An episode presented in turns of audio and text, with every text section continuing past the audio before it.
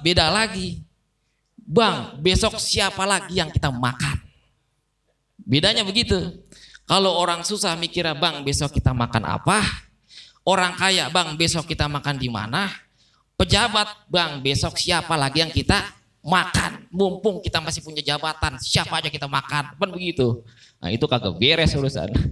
ya, artinya apa? Hamud dunia dia gelisah sama urusan dunia. Itu, nah itu nggak boleh.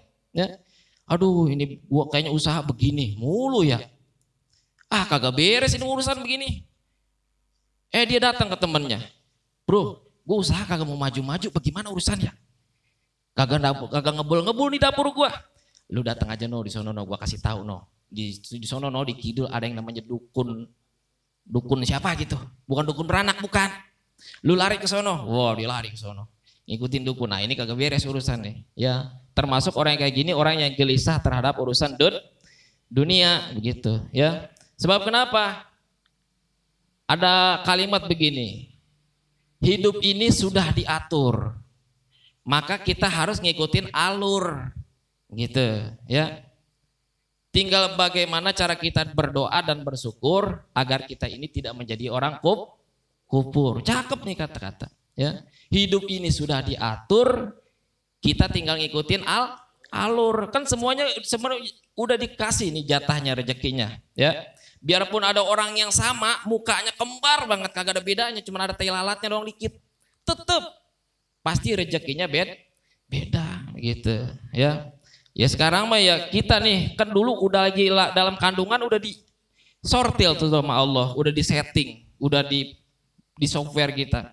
Rezeki, maut, jodoh, baik buruk udah disetel tuh sama Allah gitu. Rezekinya si Ano sekian nih, begitu. Sampai sekarang Ya, sama. Kalau orang dulu mengikuti urat, gimana urat kita nih? Ada istilahnya kan ada urat lempeng, ada urat bengkok. Ya. Biar kata urat bengkok, eh biar kata uratnya lempeng.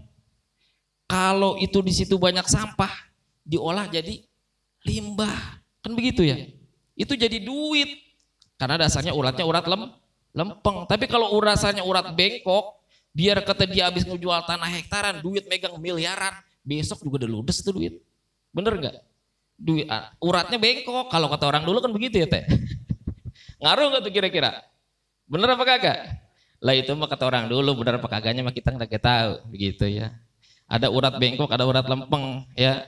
Nah itu tergantung bagaimana dia masing-masing gitu ya. Nah itulah urusan dunia ya. Jangan sampai urusan gelisah. Besok bagaimana ini ya? besok gue mau makan apa ya biasanya kan orang wadon yang rese makan begitu ya orang wadon gitu sebab kenapa kan ada di dalam Quran tuh ma minda batin fil ardi illa alallahi rizquha tidak ada binatang yang melata di muka bumi ini kecuali Allah yang jamin riz, rizkinya. Itu dulu Pak ada cerita begini nih hikayat. Ada orang yang mau ngetes ini ayat. Tuh yang tadi ayat itu tuh saya baca. Saya pengen coba, saya pengen tes ini ayat bener apa kagak nih. Akhirnya nih si Pulan, dia kalau kata kita mah lagi betapa menyendiri, dia lari ke tempat terpencil, ke pegunungan, di situ ada gua, di guanya itu depannya ada jalanan, dia masuk ke dalam gua.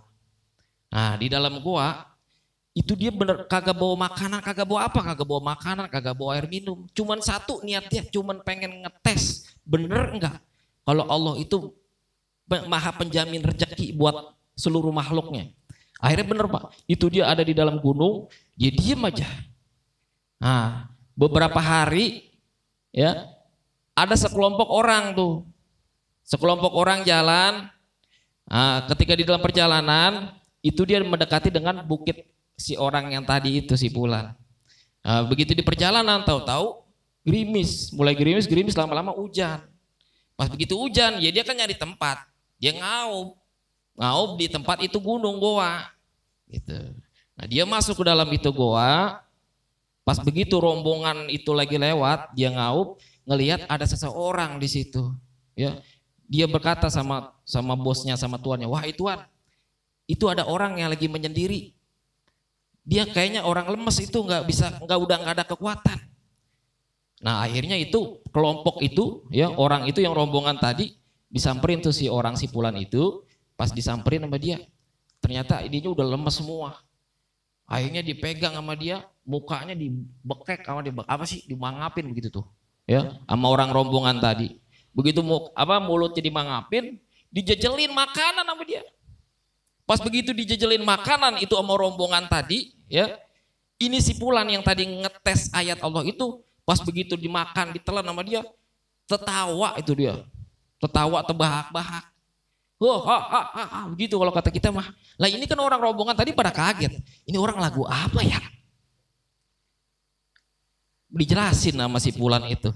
Saya ini sebenarnya lagi ngetes ayat Allah. Wa ma min dabatin fil ardi ila Allah rizquha. Ya kalau dia memang benar-benar ngetes, Pak. Eh ternyata itu ada rombongan datang ke situ ngelihat itu orang kayaknya udah lemas banget. Sampai di muka di mangangain gitu, ditelenin dia jajalin makanan. Begitu jajalin makanan masuk itu makanan dia tertawa. Ya, ternyata benar luar biasa. Allah itu Maha Penjamin riz, rizki. Masya Allah. Ya, makanya kalau pengen di sini kita ada yang mau ngetes nih, misalnya siapa di sini? Kalau si RT. Boleh teh, tes pulau senono di tengah-tengah pohon kirai. Coba aja jajal, ya. Jangan lama-lama lima hari, be. Kempes. Kagak ada yang nyariin. Paling kata bininya bodoh amat mau ke mana. Bisa berapa urusan. Ya artinya apa? Tuhan jangan dites begitu. Artinya apa? Urusan dunia ini tetap balikin aja ke Allah begitu. Sebab kenapa ya tadi itu dunia ini sudah ada yang ngatur. Kita tinggal kita ini ngikutin al alur. Si A beda rezekinya sama si B. Si B rezekinya beda lagi sama si C sampai seterusnya dan seterusnya. Begitu ya. Nah, itu kan ada kisah itu. Kisah Nabi Zakaria alaihissalam. Ya, ini masih berkaitan dengan hal ini nih. Nah, Nabi Zakaria alaihissalam itu siapa Nabi istri Nabi Zakaria? Siti? Bukan. Siti? Mari? Satu riwayat menerangkan ada yang nggak tahu istrinya Nabi Zakaria, tapi satu riwayat lain mengatakan istri Nabi Zakaria ini namanya Siti Maryam. Nah ini Siti Maryam Pak pernah satu ketiga ditinggalkan sami Nabi Zakaria alaihissalam beberapa hari ditinggalin dan itu Siti Maryam istrinya Nabi Zakaria nggak di, nggak ditinggalin makanan sama dia, nggak ditinggalin gandum, korma segala macam. Ya. Nah ini istri Maryam kerjaannya cuma ibadah apa aja ibadah, jikir terus jikir. Nah begitu ditinggalkan sama Nabi Zakaria alaihissalam beberapa hari, ya itu pintu dikunci, kuncinya dibawa sama Nabi Zakaria. Ya begitu kurang lebih sekitar lima hari, Nabi Zakaria balik ke rumahnya sampai rumah. Begitu pintu dibuka, itu Nabi Zakaria kaget Pak. Di rumah Nabi Zakaria itu ada hidangan makanan, buh yang begitu enak. Kalau kata kita di sini apa ya? Ada situ ada bebek kaleo, ada sop janda. Sop janda tuh yang di situ tuh, Victor. Iya langganan saya itu. janda, janda bolong. Ya pokoknya hidangan nikmat yang nikmat dari situ dah. Itu Nabi Zakaria kaget luar biasa. Sampai ditanya, itu kan dikisahkan tuh di dalam Al-Quran kalau nggak salah surat Al-Baqarah. Kata Nabi Zakaria begini, pas begitu dia buka pintu, menggeliat di situ ada hidangan, Nabi Zakaria bilang sama Siti Maryam, Ana laki haza, wahai Maryam, Maryam. Ini dari mana, wahai Maryam? Kok bisa ada makanan enak-enak kayak begini? Ya, Nabi Zakaria kaget. Kan lu gua kagak tinggalin lau. Gandum, beras, segala macam gua kagak taruh di sini. Kok bisa ada makanan enak kayak begini? Di dalam kamar. Apa jawaban Siti Maryam? Huwa min indillah ya Zakaria wahai suamiku ini dari Allah dikirim langsung dari sur surga Masya Allah. Luar biasa nggak tuh? Luar biasa. Makanya Pak kalau kita di rumah lagi kagak ada beras, ya duit kagak punya, ya itu bini kita bilangin aja bu, tuh tadi ngedengerin hikayat tentang Nabi Zakaria sama Siti Maryam. Kalau lagi kagak ada beras, kagak ada duit, ya mama kagak usah repot-repot, jangan usah minta. Sekarang lagi susah duit, udah mama ambil air wudhu, ambil mau kena, masuk dalam kamar, kunci pintu, tujuh hari aja bu jangan keluar. Innalillahi wa inna rajiun di musola. Diumumin mati bini. ya bukan begitu juga. Artinya Allah itu jangan dites begitu. Artinya apa? Yakin aja udah sama Allah. Gitu ya. Sebab itu tadi ayatnya wa ma min dabatin fil ardi illa 'alallahi rizquha. Sega, tidak ada binatang yang melata di muka bumi ini, bahkan Allah bilangnya binatang loh bukan manusia. Artinya apa? Binatang aja udah dijamin rezekinya sama Allah. Coba lihat tuh, laut. Berapa jenis ikan itu? Berapa jenis binatang yang ada di laut? Coba pikirin dah. Siapa itu yang ngasih rezekinya? Walaupun dia kanibal segala macam kan. Orang mancing kagak ada udah-udah, nelayan kagak kelar-kelar sampai sekarang. Tapi dapat aja itu ikan kagak habis-habis. Dari mana coba? Bener nggak? Kalau rezeki itu udah dijamin sama Allah Subhanahu wa taala. Artinya apa? Ya, tapi nggak ujuk-ujuk kita ah rezeki udah dijamin sama Allah. Oh, udah ah, besok gue prek kerja. Gua kagak mau gawe lagi dah. Gua kagak mau dagang lagi. Gue pengen ngetes bener nggak dikata si Deden ngomong kayak begitu. Jangan begitu juga. Itu sama juga ngetes, ya. Artinya apa? Tetap ikhtiar kudu begitu. Ya, itu di zaman Umar bin Khattab ada seorang pemuda apa? Dia udah sudah udah nikah, udah keluarga, udah berumah tangga. Nah, ketika Umar bin Khattab satu lewat di satu kampung dia itu, ini dia, wow, pokoknya abid. Abid itu artinya ahli ibadah. Oh, ibadah mulu itu tasbih puter-puter mulu lama-lama tasbih putus, sambung lagi, putus, sambung lagi. Emang emang kerjaannya begitu doang tuh di masjid di musola. Pokoknya udah paling soleh banget dah. Pergi gelap pulang gelap. Sebelum subuh udah nyampe. Pulang tengah malam jam 12 baru sampai rumah. Jam 3 berangkat lagi. Itu di zaman Umar itu ada yang begitu pak. Nah ketika di waktu duha Sayyidina Umar jalan ya bersama, bersama jamaahnya itu sahabatnya dibilang itu itu siapa di dalam masjid itu di dalam musola ya itu Umar nanya sama sahabatnya tetangganya si Pulan ini itu si Pulan bin Pulan. Kata Umar, apa dia kerjaannya? Ya Umar bin Khattab, dia itu nggak kerja. Dia itu kerjanya ya begitu aja. Iktikaf mulu di masjid. Pergi gelap pulang gelap. Orang-orang mah kan pergi gelap pulang gelap kan kerja ya, nyari duit. Kalau dia mah pergi gelap pulang gelap ya adanya di situ aja udah. Nah terus dia udah keluarga, udah ya Umar. Terus siapa yang ngasih makan rezekinya? Itu kakaknya, kakaknya kebetulan kerja eh, dagang di pasar. Dia yang jamin, dia yang ngatur, dia yang ngurus urusan rumah tangga dia. Akhirnya itu orang yang si pulang di dalam masjid itu dibentak-bentak, panggil dia. Umar kan terkenal galaknya. Panggil sekarang juga. Woi, orang lagi jikiran, lagi muter-muter tasbih, dipanggil suruh sama Umar. Akhirnya dipanggil sama tetangganya. Ya, datang itu si pulang menghadap ke si, nah, apa Sayyidina Umar ya. Disalah-salahin, digoblok-goblokin. Kamu tuh orang goblok tahu nggak? Begitu coba. Kamu tuh bego. Kerjaan kamu cuma ikhtiar kayak begini, ya. Kamu tuh nggak boleh. Besok saya ngelihat kamu kayak begini lagi, saya tonjok kamu. Tuh bahasanya begitu. Umar kalau ngomong, oh kagak tanggung-tanggung pak. Abu Hurairah aja diomelin. Abu Hurairah itu pernah diomelin sama Sayyidina Umar. Kenapa dia bilang?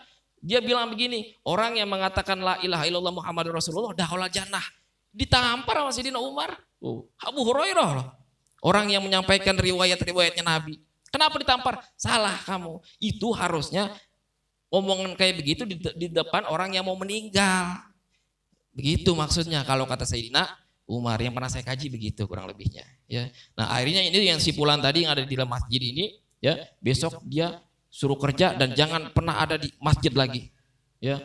Sebab apa? Kamu itu berarti bergantung sama Allah. Tetap ikhtiar itu wajib wajib begitu ya kita harus begitu pak siang banting tulang malam banting bin bini emang kudu begitu hidup pak. Jangan banting tulang banting tulang doang banting bini kagak ya kagak semangat kita. Ujung-ujung aja melehoy hidup. Bener nggak? Itu ya. Nah itu urusan dunia kayak begitu tuh ya urusan rezeki ya. Nah makanya jangan sekali-kali kita pernah gelisah terhadap urusan dunia. Ya memang kadang-kadang ya rasa manusiawi seperti itu pasti ada gitu ya. Ah, apalagi baru nyari kerjaan, aduh hidup gue begini nih, nyari kerjaan ke mana ya, repot gitu. Pokoknya pasti orang itu semuanya udah dijamin rezekinya. Ya, si RT kagak gawe kagak apa, tapi rezekinya ada apa? Iya, harusnya makanya kalau ngikutin logika, harusnya dia dari bulan kemarin udah mati, bener gak? bener gak? Ya ini maksudnya begitu. Artinya apa? Sampai sekarang masih seger, masih gemuk, Harusnya seenggaknya lah kempesan dikit begitu. Bener nggak? Sampai sekarang masih gemuk. sekarang sampai gemuk. Iya. Dia kerja kagak, dagang ya kadang-kadang doang. Tapi alhamdulillah kan masih gemuk, masih sehat, masih bisa makan, dapur masih ngep ngebul begitu. Alhamdulillah begitu. Makanya kita jangan kalah sama falsafah ayam. Ayam begitu pagi-pagi dia udah bangun, udah turun, udah lima kali kawin. Tuh ayam loh. iya coba perhatiin dah. Ayam udah lima kali kawin. Lah kita kawin baru sekali-kalinya doang. Emang takut sama bini? Bener nggak? Iya jangan takut makanya jangan kalah sama ayam. Eh gitu. Berapa ya urusan? Ya. Nah itu ya. Umur dunia zulmatun fil kolbi. Orang yang gelisah, gelisah terhadap urusan dunia itu akan menjadi kegelapan di dalam hati. Hatinya gelap pak. Itu ya. Wahamul akhirah nurun fil kalbi. Dan orang yang gelisah terhadap urusan akhirat ini sebaliknya malah nurun fil kalbi maka dia akan menjadikan cahaya di dalam hatinya. Tuh masya Allah ya. Kita gelisah terhadap akhirat ya Allah dari kemarin ini buat tetangga udah pernah mati, pada meninggal ini. Besok kalau gue meninggal bagaimana ini gue kayaknya belum punya amal. Gue kayaknya kalau mati ini pasti gue disiksa di dalam kubur. Udah mikirin kayak begitu tuh. Nah itu nurun fil kolbi. Udah ada detek-detek greget-greget cahaya di dalam hatinya. Tuh ya ah besok gue dikit-dikit ah mau sholat ah gitu. Ah gue mau coba dah sodako, ah gue mau belajar ah puasa Senin Kamis atau gue coba dah sedikit-sedikit mau beramal soleh ya.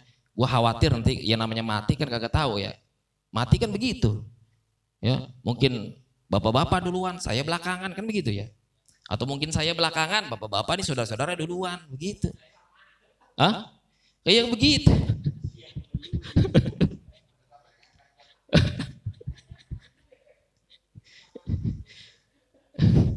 Berapa ya urusan?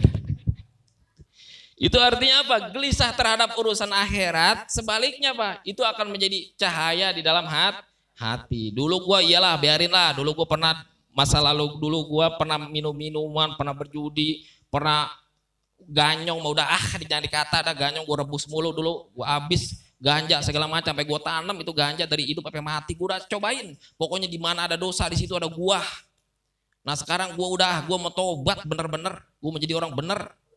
Ya, nah dia berpikir kayak begitu aja. Nurun fil kolbi, hatinya udah bersinar, udah bercahaya. Tuh, ya, masya Allah. Mudah-mudahan kita mah ya, mudah-mudahan nih. Ya alhamdulillah lah, udah kelihatan ya. Yang ngaji ya ada, ya sholat ya iya. Ya waktunya kita usaha ya namanya itu berjihad. Kita buat apa anak istri kita keluarga insya Allah kita menjadi orang benar semua amin ya robbal alamin nah itu akan menjadikan cahaya di dalam hat, hati nurun fil kolbi gitu ya hadirin jamaah rahimakumullah lanjutkan pengajian selanjutnya ya kopi bro adem kayak ngopi dulu ah kopi pahit ya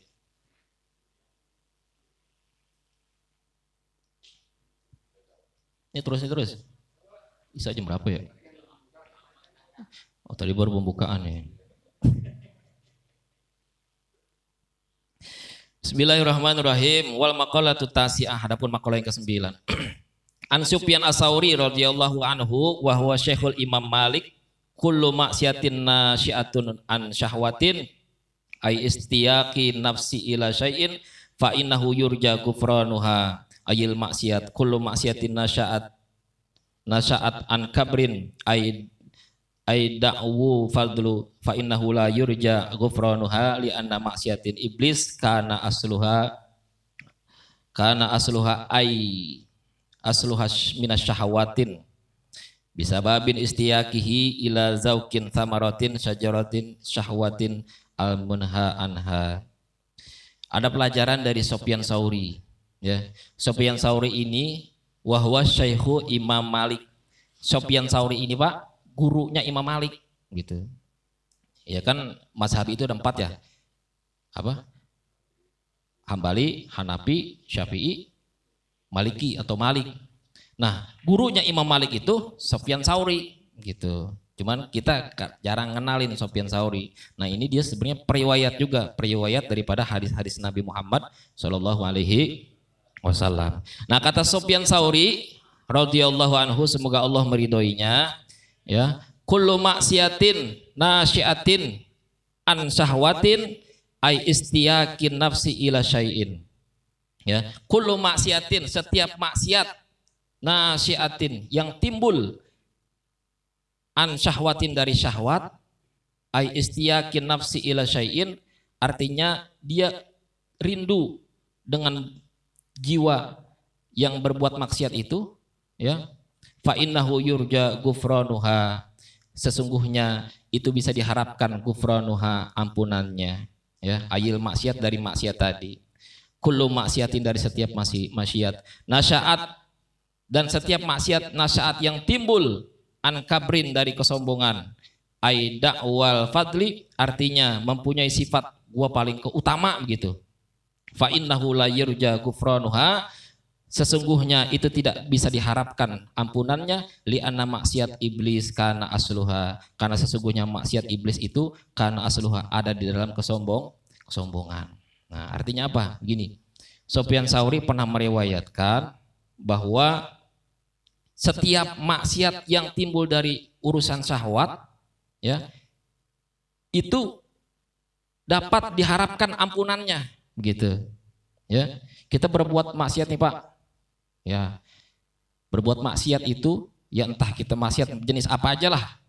Itu masih diharapkan ampunannya sama Allah begitu ya. Lain halnya kalau kita maksiat nasyaat an kibrin, maksiat yang timbul dari kesombongan atau di, merasa kita paling mampu, ya paling punya keutamaan, nah maka kata Sofyan Asauri, fa innahu la yurja gufranuha li anna maksiat iblis kana asluha. Itu enggak diampunin dosanya karena sesungguhnya iblis itu asalnya dari punya sifat som sombong. Tuh Masya Allah. Ya. Kita berbuat maksiat, ya ngikutin syahwat, ya wajar lah karena manusiawi dikasih syahwat, ya tinggal bagaimana kita kita mengendalikan gitu. Nah ketika kita ada cenderung nih berbuat maksiat, ya ngikutin hawa nafsu, nah itu masih ada ampunan dari Allah pak, gitu. Kita berbuat maksiat, ya itu masih ada harapan yurja gufranuha masih diharapkan ampunan dari Allah. Tapi ketika orang berbuat maksiat dengan sebab sombong, Nah itu jangan harap dapat ampunannya Allah begitu. Padahal sepele pak. Ya kalau kita pikir-pikir kan harusnya yang berbuat maksiat itu yang susah dapat ampunan Allah ketimbang orang yang berbuat som sombong. Kenapa? Sebab kata Sofian Sauri bahwa mengatakan bahwa sombong itu adalah karena minal ib iblis begitu. Sombong itu dari iblis itu ya. Kita ngomong begini, ini kampung nih, kalau kagak ada gua, kalau kagak gua nih, ini kampung kagak hidup. Padahal ada listrik pak, dia bilang kagak hidup.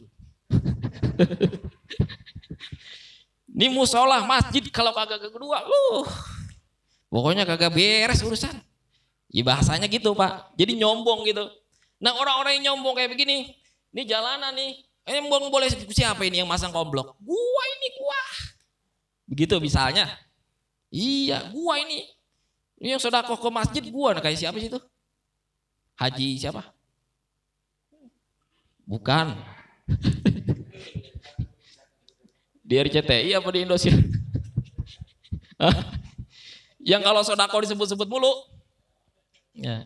Nah itu modal-modal kayak begitu Pak. Kalau yang memang terbesit benar-benar di dalam hatinya, itu itu kan maksiat juga itu namanya. Orang yang maksiat kayak begini, kagak diampuni itu dosanya sama Allah. Masya Allah. Ya, ketimbang orang yang berbuat maksiat karena sahwat tadi itu karena nafsu.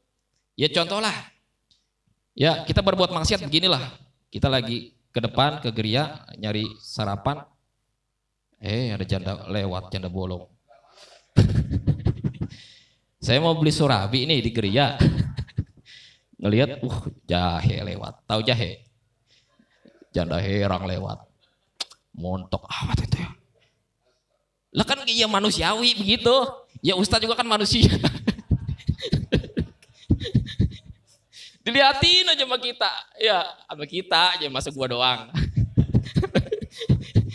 Dilihatin aja begitu. Ya, uh, mana pakai celananya segini. Udah begitu lagi bikin serabi lama-lamain lagi. wow, kata kemungkinan nih, ini contoh nih misalnya gitu ya. Apalagi dibeli ketoprak, tukang ketoprak. Terlalu ya Bu ya, ngantri aja dulu. Iya, uleknya pelan-pelan. Ya. Padahal kan diginin ya. Biasa kan kalau ngobrol kan gini deh. Aduh, ya. Emang dideketin sama dia, berarti dia wangi batu jahe, wah luar biasa. ya, itu kita maksiat begitu tuh. Ya, mata biasa kedip tapi kagak kedip. Ujuk-ujuk kita ingat, astagfirullahaladzim, ya ya ya Allah. Maksiat gue barusan maksiat. Ya Allah, istighfar, istighfar. Udah istighfar kita masih liatin aja, terakhir dah. Mumpung dia belum pergi, terakhir. Astagfirullahaladzim, astagfirullahaladzim. Nah kita ngomong kayak begitu tuh, ingat kan artinya terbesit gufronuha. Itu masih ada harapan ampunan dari Allah. Tuh, ya. Ketimbang orang yang tadi maksiat tadi itu, Pak, maksiat dalam kesombongan. Begitu, ya.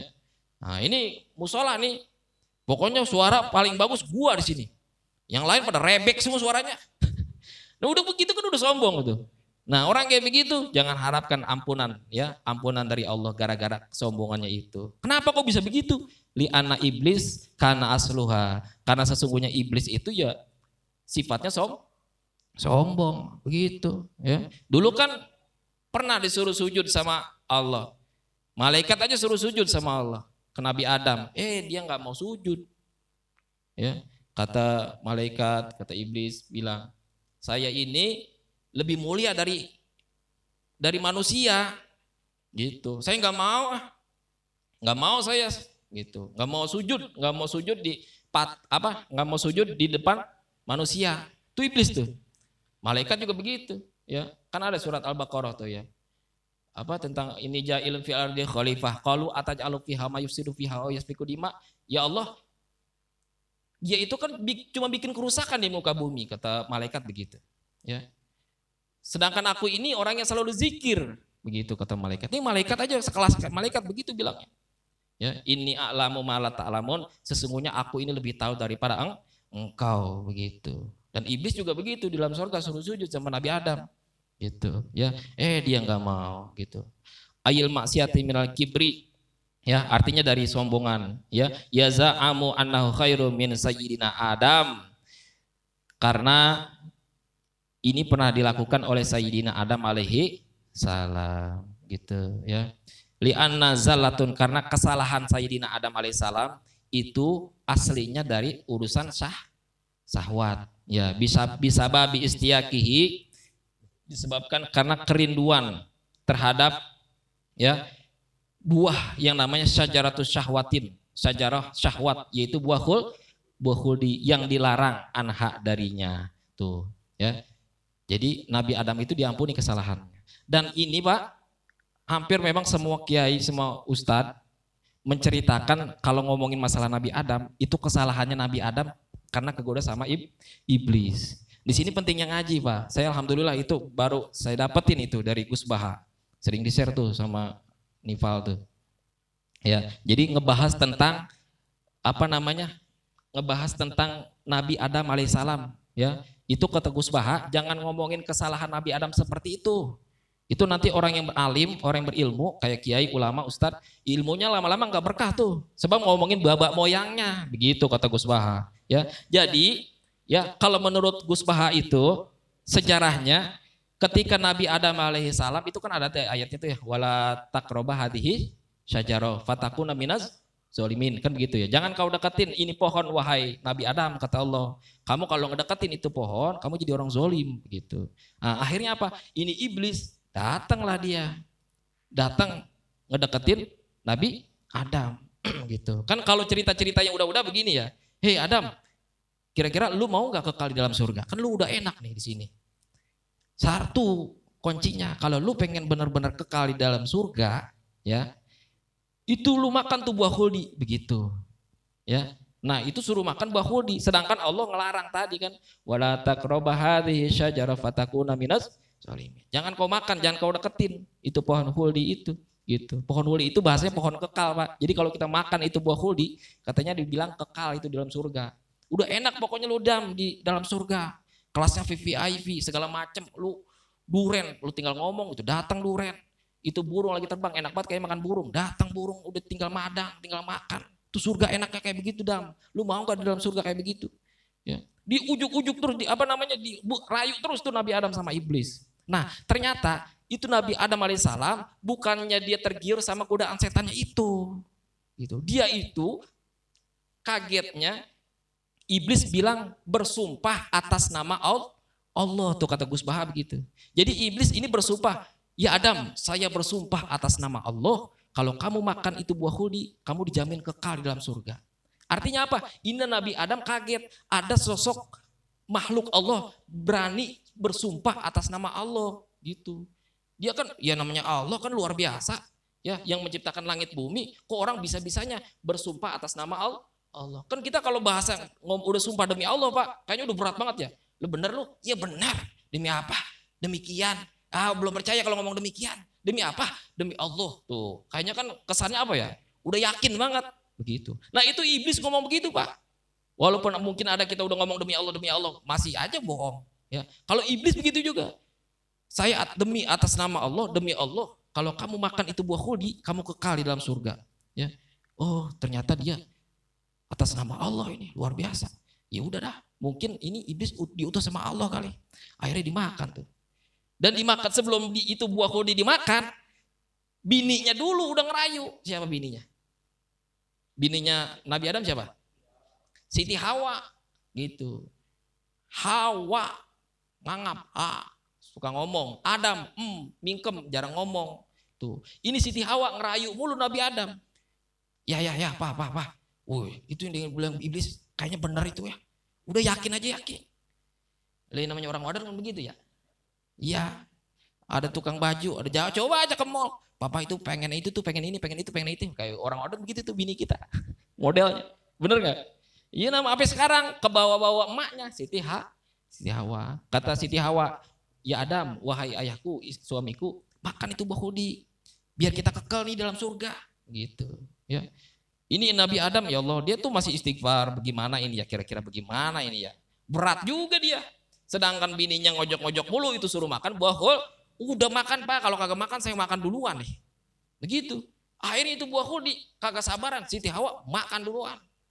Padahal udah dilarang ini Nabi Adam masih mikir-mikir ya dimakan itu buah huli ya akhirnya nggak lama Nabi Adam ngikut makan ya udah dah saya percaya ini iblis atas nama Allah begitu bahasanya pak mungkin Allah eh, ini iblis sudah diutus atas nama Allah begitu ya dimakan sama Nabi Adam Siti Hawa makan duluan ya begitu dimakan Siti Hawa dimakan Nabi Adam ini malaikat kagak ridho turun terbang shush wow pakai grab biar cepat wah Langsung, hai Hawa.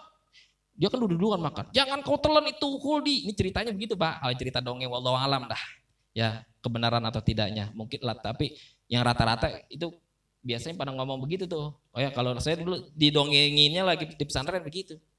Hei Hawa jangan kau makan. Oh, udah masuk Pak, duduk, lu makan. Plak.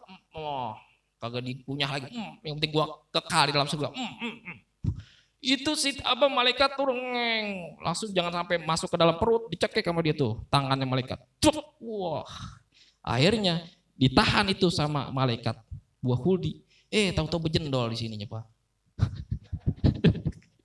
katanya begitu ya Allah alam dah ya ya bagus bejendolnya dua coba kalau satu udah kayak tumor nah itu Nabi Adam baru makan dia belakangan Ditahan lagi malaikat. Ngek. Oh di sini nih di leher. Jangan sampai turun ke perut. Akhirnya keluar nih tumbuh jakun. Begitu.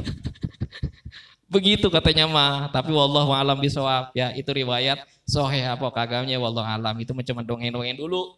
Itu biasanya mkeke ngedongeng yang pada begitu. Ya tapi wallahu alam. Gitu ya. Nah itu artinya apa? Nabi Adam begitu makan buah huldi, Siti Hawa begitu makan buah huldi, ya akhir akhirnya apa? Fatakuna minaz zolimin. Allah tuh murka sama bukannya murka ya. Artinya Allah tuh udah nggak senang tuh sama Nabi Adam. Gitu ya. Baru Nabi Adam bilang, "Wahai Allah bilang sama Nabi Adam, "Wahai Adam, kenapa kau makan itu buah huldi?" Apa jawaban Adam? "Ya Allah, saya makan buah huldi ini bukan karena hasrat hawa nafsu saya pengen makan terus lantaran saya makan saya kekal di dalam surga, bukan itu. Saya makan ini karena tadi ada makhlukmu yang menyebutkan atas atas engkau demi Allah atas namamu ya Allah. Maka aku percaya dengan itu tidak ada orang yang berani sumpah atas namamu begitu. Makanya saya itu kesalahan saya di situ. Ternyata dia itu ngejebak saya begitu. Kejebak dia itu ngomong Allah. Itu doang kesalahannya. Nah akhirnya Allah nggak ridho, maka diturunin dia. Wahai Nabi Adam, untuk sementara kau jangan ada di surga. Siti Hawa, hmm, apalagi lu yang makan duluan.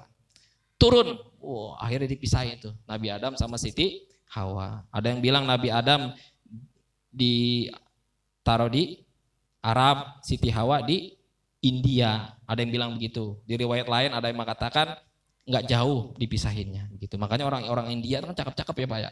Kucu-kucu hotahe. Hidungnya mancung-mancung. ya, karena keturunan Siti Hawa gitu. Ada yang bilang katanya dituruninnya di India atau Siti Hawa. Gitu. Berapa lama? Wallahu alam. Ada yang bilang 40 tahun, ada yang bilang lebih dari 300 tahun. Baru diampunin dosanya sama Allah Subhanahu wa taala. Luar biasa.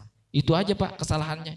Tapi tetap kesalahan Nabi Adam dan termasuk kesalahan kita ya cucu cicitnya Nabi Adam kalau kita berbuat maksiat ya karena hawa nafsu karena syahwat anak syahwatin ini karena nafsu insya Allah itu pasti akan ada harapan untuk diampunin sama Allah Subhanahu wa taala. Tapi kalau ada seorang yang berbuat dosa an kibrin dari kesombongan Ai fadluha artinya dia mempunyai rasa kemampuan, keutamaan, gua lebih daripada lu, gua lebih daripada lu, lu pada. Nah, itu secara tidak langsung ya mungkin dia tidak ada harapan untuk diampuni dosanya sama Allah Subhanahu wa taala gitu. Kecuali kita bercanda dah. Ya, bercanda yang biasa bercanda misalnya gitu. Ini nih son kalau kagak gara gua nih, wah kagak banget hidup.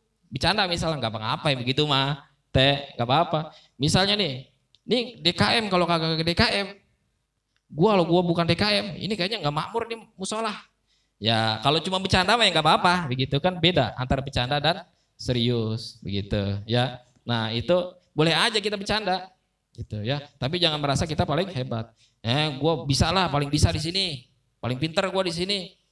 Ya, ketimbang lo, lo, lo pada misalnya gitu, sambil ketawa, ya nggak apa-apa kalau bercanda begitu mah, itu ya. Tapi kalau merasa yang benar-benar ada di lubuk hati kita nih, ya kita berbuat sombongan tadi kibrin itu ya. Pokoknya kampung nih kalau nggak ada gua repot ah gitu. Nah itu udah mulai dari lubuk hati mungkin kayak gitu.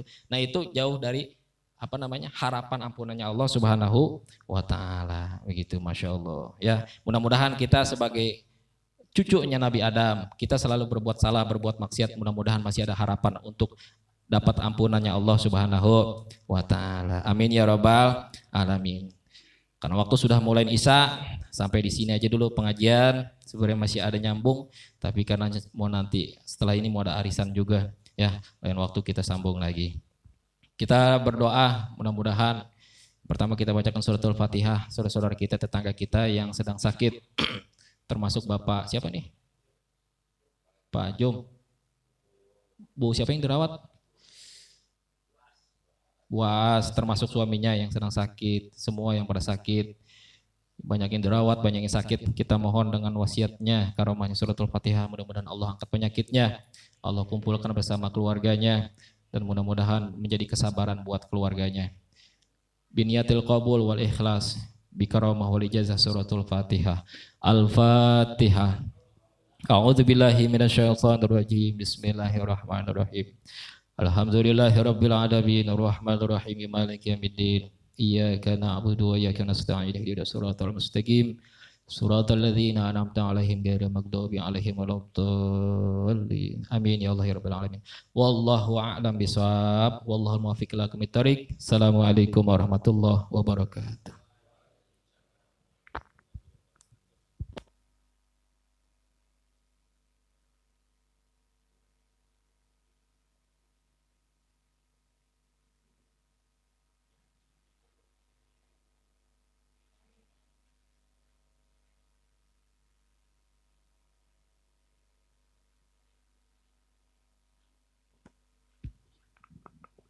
أعوذ بالله من الشيطان الرجيم بسم الله